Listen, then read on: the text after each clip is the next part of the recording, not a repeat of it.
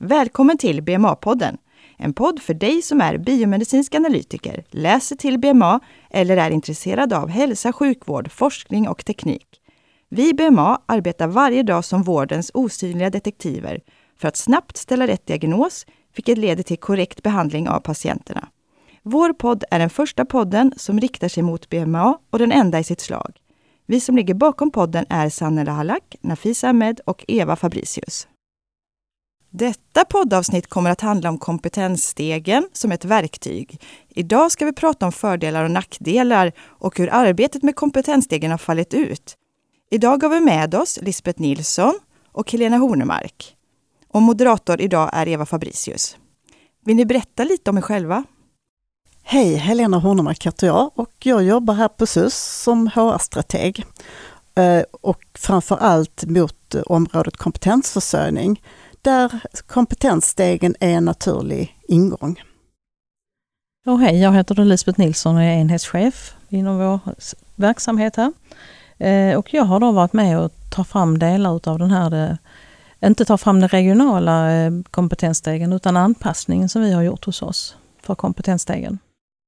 Vilken nytta för verksamheten har ni sett och har du sett Lisbeth? Och vilken nytta för verksamheten och för medarbetarna? Eh, verksamheten så har vi lite grann, vi vill ju gärna ha så bra kompetens på alla våra medarbetare så att önskan för oss är ju egentligen att kanske att alla ska ligga uppe på steg fyra. Eh, och det vet vi med oss att det kan man ju inte när man har många nyanställda också. Utan, och då kan varje medarbetare säga, vad är det jag ska göra för att kunna komma till nästa steg, eh, steg i vår kompetensstege? Sen är det väldigt viktigt att också inför sig det här att de här kompetensstegen är ju inte någon lönegrundande utan detta är mer hur hur man kommer till de olika stegen. Jag tycker kompetensstegen är väldigt intressant ur aspekten att vara en attraktiv arbetsgivare. Jag tror att det är viktigt för oss som arbetsgivare att vi är tydliga med hur kan man utvecklas här på SUS som medarbetare.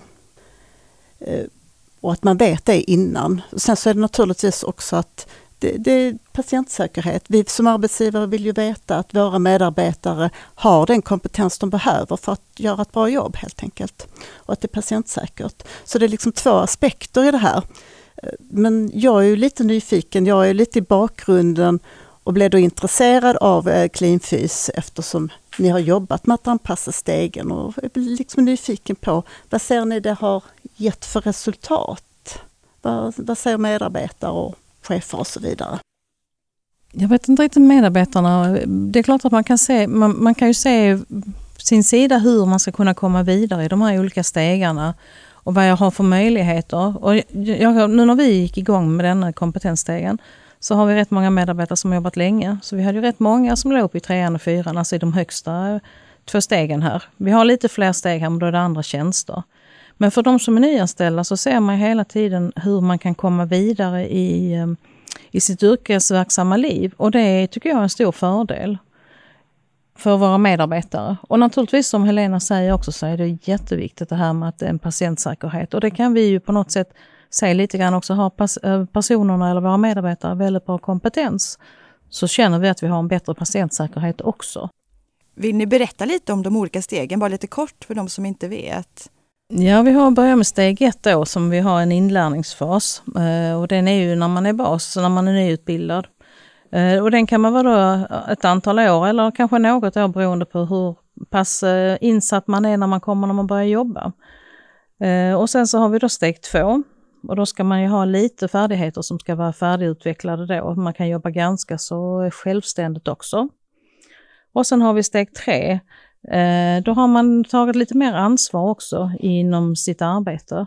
Eh, bedriver, och gör rätt mycket självständigt. Och sen i steg fyra så är man helt självgående. Man har metodansvar och man har lite handledningsansvar också. Nu är detta bara i grova drag, det finns ju så mycket mer per steg också, men en, en, en, en lite generell gradering. Var du med och utformade, Helena, eh, kompetensstegen från Region Skånes Nej, jag har inte Nej. varit med det arbetet Nej. utan det har ju varit eh, biomedicinska analytiker och chefer. Även de fackliga företrädare har varit med i arbetet om jag har förstått det rätt. Och man har också tittat ganska mycket på hur har andra gjort som har lyckats i sitt arbete med kompetensstegen. Så man tar uh, lite benchmarking kring det. Så att jag är inte så insatt i de olika stegen utan mer att det ska vara ett sätt där man kan förhålla sig till sin utveckling. Sen måste man ju inte igenom alla de här stegen. Det är också viktigt att säga att eh, beroende på var man är i livet och vill göra så kanske just nu så passar det mig att vara här på steg två. Och sen helt plötsligt, nej men nu vill jag nog lite mm. avancera lite och ta, ta ett skutt framåt. Där är ju också, man behöver ju fördjupa varje steg också. Det är inte bara meningen att man ska swisha igenom alltihopa och nu är jag på steg fem, utan det handlar om att fördjupa sin kompetens, mm. sina färdigheter eh, på, på, varje, på varje steg också.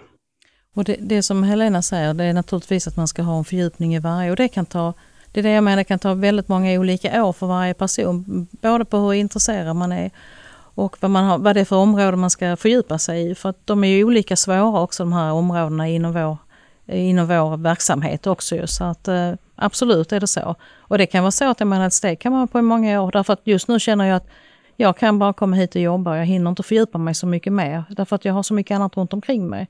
Men om fem år så kanske jag kan satsa mer. Så då börjar jag med fördjupning. Jag vill läsa lite mer och gå lite mer kurser och sånt också. Eh, och då kan man stiga eller klättra på den här stegen också. Hur tycker ni att det har tagits emot? Då? Vad har ni fått för respons från medarbetare? Och, och vad har ni fått för, för respons inom HR-sidan? Egentligen inte så mycket. Medarbetarna är jag just nyfiken och frågar då Lisbeth och, och kanske medarbetare själva. Vad, vad, vad ser man? Vad tycker man? Hur används den? Däremot så vet jag att de fackliga företrädarna är väldigt intresserade och frågar hur går det? Och de vill gärna, eh, jag vill ju gärna sprida det här som ett gott exempel. Hur kan man göra för att anpassa stegen? För jag tror att det är en bra sak. Och sen så är det alltid lite tveksamhet när andra verksamheter ska på. Ni har varit, eh, tagit klivet ut och verkligen gjort det här och använder den om jag förstår det rätt. Mm. Och det skulle jag vilja inspirera andra till. Så att ni är mitt lite, lite goda exempel. Eh, vi använder dem i våra medarbetarsamtal och pratar lite grann om var man ligger. Sen är det ju ofta så att man ligger kanske inte på steg tre eller steg fyra. Man kan ju ligga lite grann så man har lite, lite från steg tre och lite från steg fyra. Det är ju inte så att man är precis ett varje steg heller ju. Och det, det kan man ju... Ehm, sånt kan man ju alltid diskutera, vart är jag på väg någonstans också. För vi har ju även hur, vad man ska göra för att kunna gå vidare i, i sin eh, karriär här också, så kallat bland stegarna. Sen har vi ju steg 5 och steg 6 också, men det, det, är speciella tjänster de. Så att, eh, då, då är det så att den ena är en specialist BMA-tjänst och det har man ett begränsat antal som man kan eh, tillsätta ju så att Ser ni några konkreta resultat och vad säger medarbetarna egentligen? Då kan jag prata lite grann om det här med medarbetarna därför att inom vår enhet där som jag är chef så hade jag väl, eller har väldigt många medarbetare som har jobbat i många år. Och då hamnar de ju i steg eh, tre och absolut i fyra också ju. Och där finns ju inte så mycket sen att, att eh, klättra på så kallat. Men de som är nyanställda ser ju lite grann när man hamnar i ettan som nyanställd att jaha, vad är det mer jag ska göra för att komma vidare? Eh, och då kan man ju välja lite grann vad är det jag vill satsa på för någonting också ju. Men eh, just nu hade vi väldigt många som hade jobbat många, många år. Och då hamnar man ju i de här stegen som, där man sen inte kan klättra vidare så kallat. Skulle man kunna ändra i stegen? Finns det eh, utrymme att revidera och ändra nu utifrån när vi ser det här att en del som fastnar då i steg fyra, skulle man kunna utforma den på ett annat sätt? Det skulle man kanske kunna göra, men eftersom vi nu har utgått från den regionala och vi ska ha lika över hela regionen, så kan vi ju liksom inte ändra utan då ska man lägga om hela den ju. För nu har vi ju bara gjort anpassningar utifrån den regionala eh, med att skriva ungefär vad vi har istället eftersom vi då har patientbunden verksamhet. Eh, vilket de andra då inte har det inom eh, just med biomedicinska analytikern. Jag, jag tänker att som det finns kanske möjlighet att göra någon, för det låter som att det behöver vara mer att bita i mm. på de högre nivåerna eller högre stegen. Mm. Att kommer man in som ny så blir det väldigt tydligt och då liksom rullar det på. Men har man, har man 30 års erfarenhet så blir det ett annat läge. Eh, och då är väl frågan, vad skulle man, skulle man kunna lägga på, på ett steg eller skulle man kunna fördjupa ett steg på något vis? Eh, eller är det de här tjänst, specialisttjänsterna som vi pratar om då? Men där har vi väl en utmaning att ta med oss. Hur skulle vi kunna angripa den? Absolut har vi en utmaning att ta med oss där.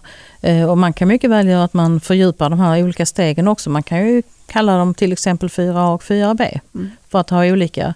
Eh, för just det här med specialisttjänster, det ska ju inte vara så att det blir för många heller. För att då, då, då, då försvinner ju liksom den också, den här att man är specialist på EMA. Ju.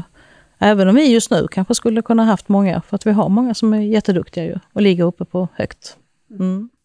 Jag tänker SUS gör ju ett arbete med ett curriculum för sjuksköterskor. Och där är det är egentligen omvända saken att, att det saknas, eh, att, att ja, man har så kort erfarenhet så att de flesta finns i de första nivåerna.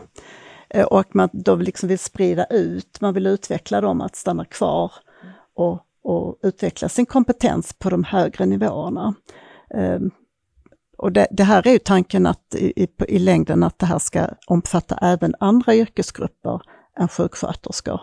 Jag tänker att BMA kanske ska räcka upp handen och säga att vi vill gärna vara nästa verksamhet ut.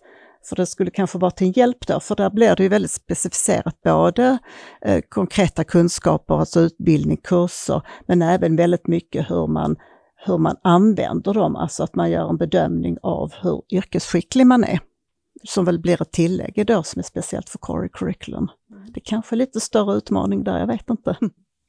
Det tror jag nog att en större utmaning och vi tittar ju mycket, det är ju inte bara kurser och eh, alltså utbildningar man ska gå, för det är mycket det här med det man jobbar på jobbet också, att det är så viktigt med den praktiska utbildningen och den erfarenheten och kunskapen som de som har jobbat länge här kan föra vidare till de andra som är yngre. Eh, som vi tycker är väldigt, väldigt bra. För vi tycker att man kan inte läsa sig till allting.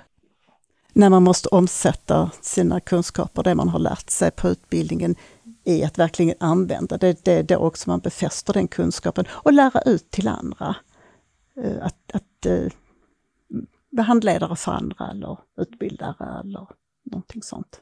Det är viktigt med att vara handledare och det är viktigt den kunskapen jag har att jag ska kunna förmedla den också. För att annars ger den, kan, får man ju inte tillbaka någonting ute på verksamheten om man har haft medarbetarna ute på kurser. Eh, jättebra, intressant. Jag skulle bara fråga, eh, vad är bästa rådet just när man vill anpassa stegen? Hur gör man och hur får man eh, medarbetarna delaktiga? Alltså man måste titta på sin verksamhet, vad är det vi gör och hur mycket kan vi använda oss av den som redan finns? Den regionala som vi nu har utgått ifrån. Eh, och sen tycker jag att det är viktigt att, ta med medarbetarna också i den här diskussionen om hur, hur vi kan göra för att det ska bli en bra text. Nu kan vi kanske säga att vi har kanske skulle kunna delat som vi nu sa att vi har steg fyra som är väldigt bred. Eftersom vi har många som jobbar där skulle man kanske kunna delat upp den från början. Eh, om vi hade haft eh, tankar på det sättet också, som Helena säger. Jättebra! Eh, då vill jag säga tusen tack för ett jättespännande samtal. Tack Lisbeth och tack Helena. Tack, tack så mycket. mycket.